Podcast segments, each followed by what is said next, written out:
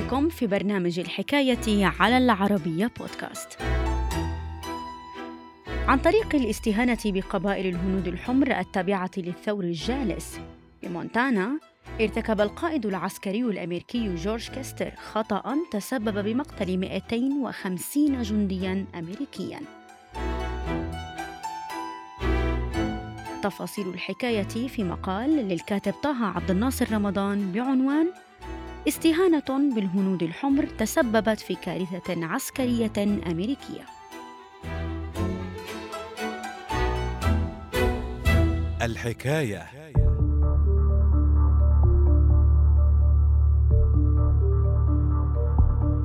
يوم الخامس والعشرين من شهر يونيو حزيران سنة 1876 عاش الجيش الأمريكي على وقع واحدة من أسوأ المعارك التي خاضها على أراضيه فأثناء مهاجمته لأحد تجمعات قبائل سيوكس وشايان قرب نهر ليتل بيج هورن بمونتانا وجد جنود فرقة الخيالة السابعة الأمريكية أنفسهم محاصرين من قبل عدد هائل من مقاتلي السكان الأصليين لتبدأ على إثر ذلك مذبحة أسفرت عن مقتل مئات الجنود الأمريكيين.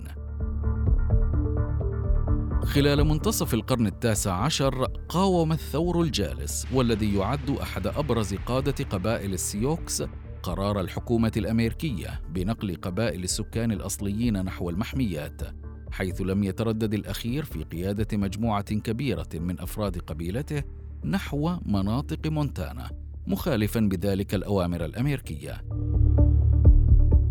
وفي حدود سنة 1875 وعلى إثر اكتشاف مناجم الذهب بسلسلة بلاك هيلز الجبلية غربي داكوتا الجنوبية لم تتردد الحكومة الأمريكية في خرق الاتفاقيات السابقة حيث أرسل الجيش الأمريكي لتلك المناطق من أجل تأمينها والسيطرة على مناجم الذهب. وفي الأثناء أجبر هذا القرار الأمريكي الآلاف من السكان الأصليين المتواجدين داخل المحميات ببلاك هيلز على مغادرتها من أجل اللحاق بالثور الجالس ورفاقه. ومع أواخر ربيع سنة 1876 التف حول القائد الثور الجالس ما لا يقل عن عشرة آلاف فرد من السكان الأصليين.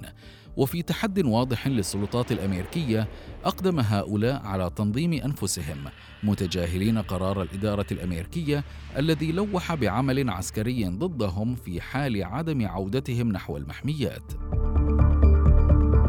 في حدود منتصف شهر يونيو حزيران سنة 1876 حلت الفرق العسكرية الأمريكية قرب معاقل قبائل سيوكس وشايان التابعة للثور الجالس بمونتانا.